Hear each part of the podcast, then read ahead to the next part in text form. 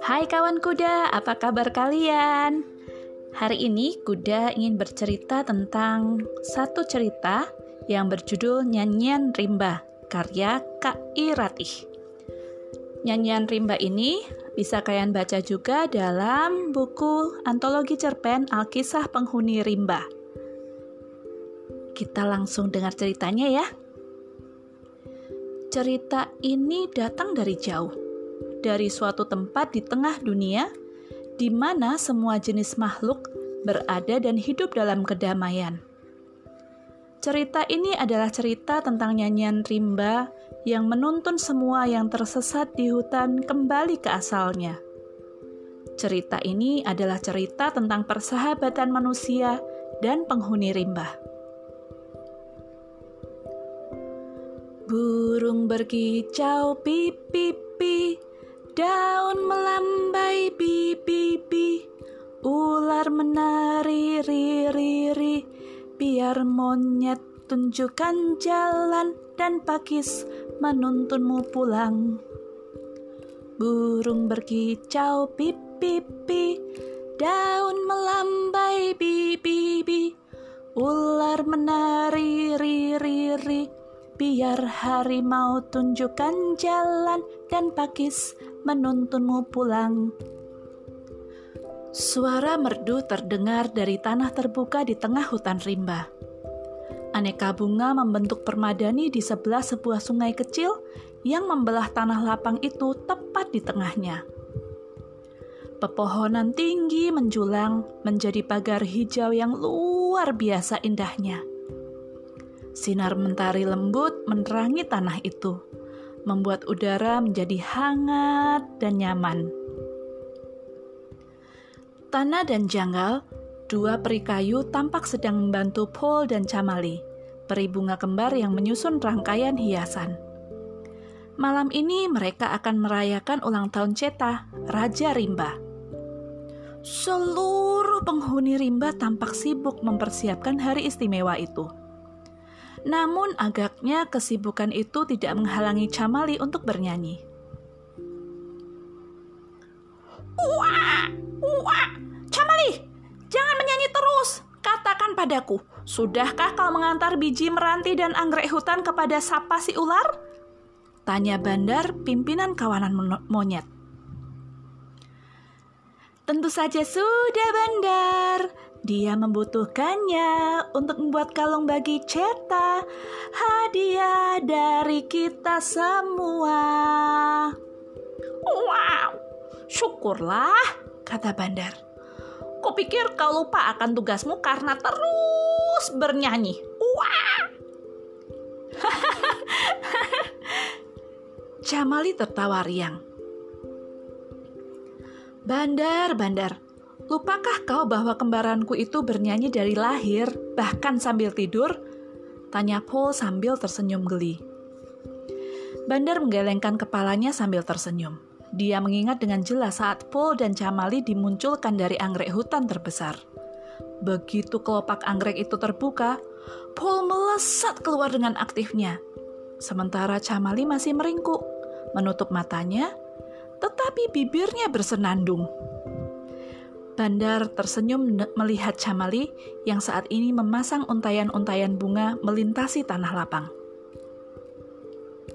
Tanah, janggal, Sudahkah kalian menyelesaikan sangkar nyaman bagi para kunang-kunang? Ingat, mereka akan memberi cahaya untuk pesta kita. Jadi, mereka harus bisa menikmati pesta dengan nyaman pula. Seru Camali sambil bernyanyi. Hmm, tentu saja sudah, Camali. Kau mau kami memasangnya sekarang? Tanya Tanah. Ya, Tanah. Jawab Camali.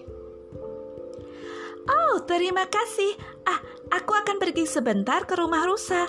Aku ingin memastikan Hiran dan anak-anaknya tidak lupa menyiapkan makanan kesukaan cetak. Teriaknya lagi sambil terbang menjauh. Camali bergerak cepat ke rumah Hiran. Pepohonan yang rindang menyisakan ruang kecil di mana garis-garis lembut sang matahari mencapai dasar hutan. Cahaya kuning yang hangat dipadu dengan kilau hijau milik dedaunan membuat pemandangan sepanjang jalan terkesan begitu ajaib dan sakral. Camali mengulurkan tangannya ke arah cahaya itu dan menikmati efek cahaya di kulitnya. Kulit Camali yang kecoklatan berkilau, seperti emas saat terkena cahaya matahari. Demikian pula rambutnya yang berwarna senada. Camali berhenti sejenak mengagumi warna keemasan itu. Dihirupnya udara hutan yang segar dan kaya dengan aneka wangi kayu, daun, dan bunga. Didengarnya burung-burung berkicau bersahutan. Camali tersenyum dan melanjutkan perjalanan ke rumah Hiran sambil bersenandung. Burung berkicau pip pip pi, daun melambai bi bi bi, ular menari ri ri ri, biar harimau tunjukkan jalan dan pakis menuntunmu pulang. Di sisi lain hutan, seorang pemuda berjalan terseok. Sudah dua malam ini dia berjalan menembus hutan. Tenggorokannya kering. Pita suaranya seolah tidak lagi berfungsi karena begitu banyak dia berteriak memanggil teman-temannya. Termos air yang kosong menimbulkan suara berkelontang saat beradu dengan ranselnya. Pakaian yang dikenakannya telah robek di sana-sini. Dia tampak begitu lelah. Tampaknya pemuda itu terpisah dari kelompoknya. Tiga hari yang lalu, beberapa mahasiswa tingkat akhir suatu perguruan tinggi mengadakan studi lapangan mengenai pelestarian hutan tropis. Mereka ingin memetakan bagian hutan yang rusak akibat penebangan liar. Naasnya, mereka terpeleset dari jalan setapak dan tercerai berai. Sinar matahari hanya tinggal titik-titik pucat di dasar hutan pemuda itu mulai hilang harapan. Namun, dia melihat titik cahaya di kejauhan. Pemuda itu tahu bahwa dia harus tetap berjalan sampai menemukan tempat tim ekspedisi memulai perjalanan yang tidak diketahui pemuda itu adalah bahwa dia berjalan menjauh, bukan mendekat. Dia berjalan menuju tengah hutan menuju tanah lapang di mana Camali dan seluruh penghuni hutan sedang merayakan ulang tahun Ceta.